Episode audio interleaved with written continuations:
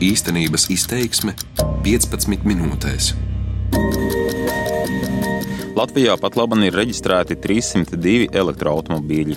Lielākais statistikas lēciens notika 2014. gadā, kad valsts dāsni padalījās ar līdzfinansējumu elektromobīļu iegādēji. Publiskās iestādes un komersanti nopirka 174 braucamos. Jau toreiz daļa pašvaldību vaļsirdīgi teica, ka dzinulis tik pie jauniem spēkratiem ir nevis zaļa domāšana, bet gan iespēja saņemt būtisku atbalstu jaunai mašīnai. Tagad, pēc trim gadiem, secināms, ka mašīnas ir sapirktas, taču lielākoties tās stāv dīkā, piespraustas pie uzlādes ierīces. Un tieši uzlādēšanas iekārtu trūkums ir galvenais iemesls, kādēļ biežāk kā pārvietošanās līdzeklis tomēr tiek izvēlēts ar fosilo kurināmo kustināms braucamais. Mans vārds ir Edgars Kupčs, un šajā īstenības izteiksmē stāsts par to, ka zaļi bieži vien tikai domājam, bet par to maksājam bargu naudu.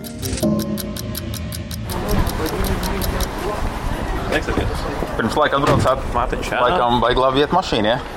Nu, relatīvi, relatīvi iet uz priekšu. Iet. Ķekavas novada pašvaldības autotransporta dispečers Mārtiņš Ansonskis ar nu jau gandrīz trīs gadus lietoto elektromobīli Volkswagen e-up uz interviju atbraucis līdz pašai Doma baznīcai. Viena no elektromobīļu privilēģijām ir iespēja Rīgas domas autostāvvietās mašīnu atstāt bez maksas. Ķekava ar 85% valsts atbalstu nopirkusi divus elektromobīļus. Abu cena bija 54,000 eiro. Mārtiņš Ansonskis stāsta, ka ar vienu brauc bāriņtiesa, bet ar otru pārējā domas administrācija. No Daugmās līdz pat dzērumiem un baložiem, lai tiktu. Izveidojuši papildus esam divus tādus uzlādes punktus, lai viņi būtu, jo tā kapacitāte viņai nav tāda, kā sākotnēji bija solīts, ka varēsim nobraukt attiecīgo apjomu kilometrāžu īpaši ziemas periodā. Tā baterijas jauda krītās pat uz pusi. Nu, solīts bija, ka teiksim, viņš nobrauks 150, nu, reāli ziemā tie ir kaut kādi 80. Un kolēģis vakar atbrauc, nu, reiz otrdienā braucam uz Siguldu. Viņš saka, nu jau ārā ir, vakar bija 8 grādi, viņš saka, pavēs. Tad brauc bez krāsniņas uz 80 km/h mierīgi, prātīgi braucot. Eizenš te nelēta ātrā uzlāde. Nu, kas ir mīnus, teiksim, braucot uz šo pašu Siguldu, aizbrauc uz Eizenes ielu, tur stāv priekšā taksometru vairāk, kas ir elektriskie takši, un tur stāv jau trīs priekšā. Viens lādējās pusstundu, tad rēķina mīnus sava pusstunda un mīnus pusotra, ko tu vēl gaidi. Un tas nozīmē, ja tu nu, ir bieži, zinu, kad kolēģis sūdzējušies, kad ir baigā rinda, un tad domā, kā tur, kā tur. Bet saprātīgi braucot, mašīna ir jautājums, vai tas ir tās naudas vērts, bet nākotnē noteikti. Elektrotransporta līdzekļi ir videi draudzīgi spēkrati, kas pamatā tiek darbināti ar elektromotoru. To izmantošana mazina piesārņojumu un siltumnīca efektu izraisošās gāzes, kā arī trokšņus apkārtējā vidē. Pašlaik Latvijā ir reģistrēti 302 elektromobiļi, vairāk nekā puse nopirkti ar valsts atbalstu. No klimata pārmaiņu finansēšanas instrumenta izlietoti gandrīz 3 miljoni eiro. Par šo naudu iegādāti 174 elektromobiļi un uzstādītas 13 uzlādes stacijas Rīgā, Gulbenē, Siguldā, Ogrē, Tērvetes dabas parkā un Talsu novada ģibuļu pagastā. Kad pirms trim gadiem valsts mudināja pirkt elektromobīļus, tika solītas uzlādes stacijas ik pēc 60 km, taču ir tikai 11. Lietuvā tādu ir 30, liecina interneta lapā elektrodegalīnes LT atrodamā informācija. Savukārt Igaunija šajā ziņā mums atkal ir krietnu soli priekšā. Tur elektromobilitātes programmā Elmo ar valsts gādību nopirkti 657 elektromobīļi, kā arī izveidots blīvs 167 uzlādes punktu tīkls. Tā kā nav uzlādes iespēju, vidēji tikai pārdesmit kilometru dienā ar savu elektromobīli nobrauc arī Krimuldas novada dome. Izpildirektors Laimonis Ozols arī saka, valsts reiz solīja atlaides elektrībai. Nobraukums, diemžēl, pašlaik ir kaut kā 21 tūkstotis.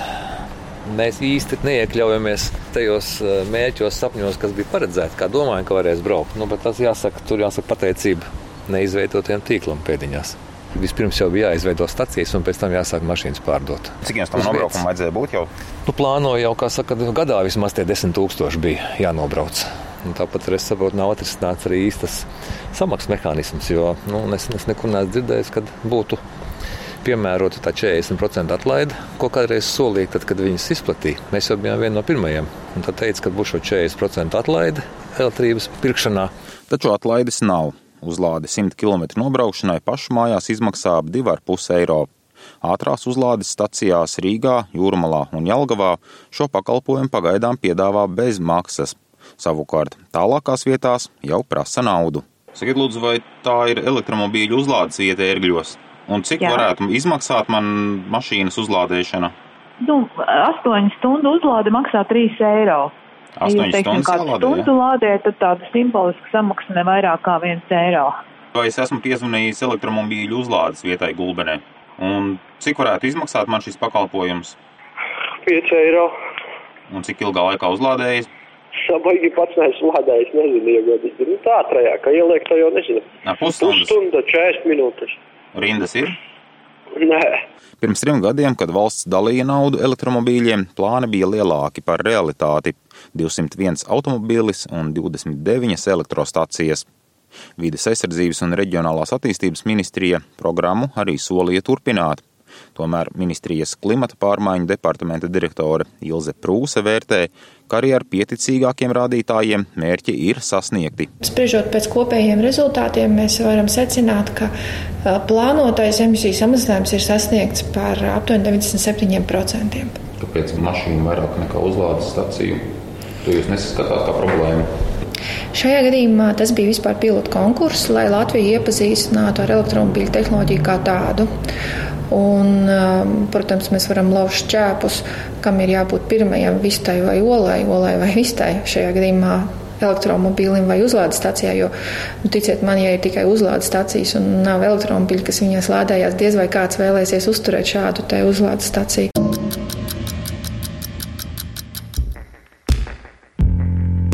Ministru kabinets jau pirms trīs ar pus gadiem apstiprināja elektromobilitātes attīstības plānu 2014. un 2016. gadam. Ceļu satiksmes drošības direkcija ir noteikta kā elektromobilitātes koordinētāja. Direkcijai jāpaveic virkne pienākumu, tajā skaitā jāizveido nacionāla līmeņa elektrouzlādes staciju tīkls, jāorganizē izglītojoši pasākumi un jāinformē sabiedrība par jaunumiem elektromobilitātes jomā. Tātad elektromobilitātes attīstības plānam jau gandrīz gadu jābūt īstenotam, bet vai tā ir?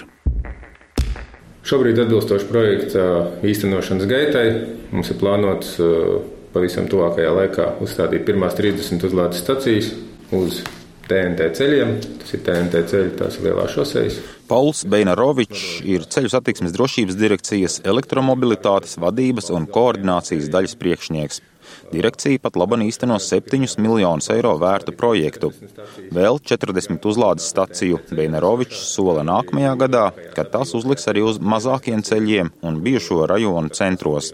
Savukārt tad ķeršoties pie otrās kārtas. Otrajā projekta kārtā mums ir plānotas vēl 80 stacijas, kas būs uzstādītas uz reģionāliem ceļiem, reģionālo ceļu tīklā un papildus lielākajās apdzīvotajās vietās atkarībā no iedzīvotāju skaita. Nu, tad, tad, jo vairāk iedzīvotāji, tad nu, jau proporcionāli lielāks staciju skaits.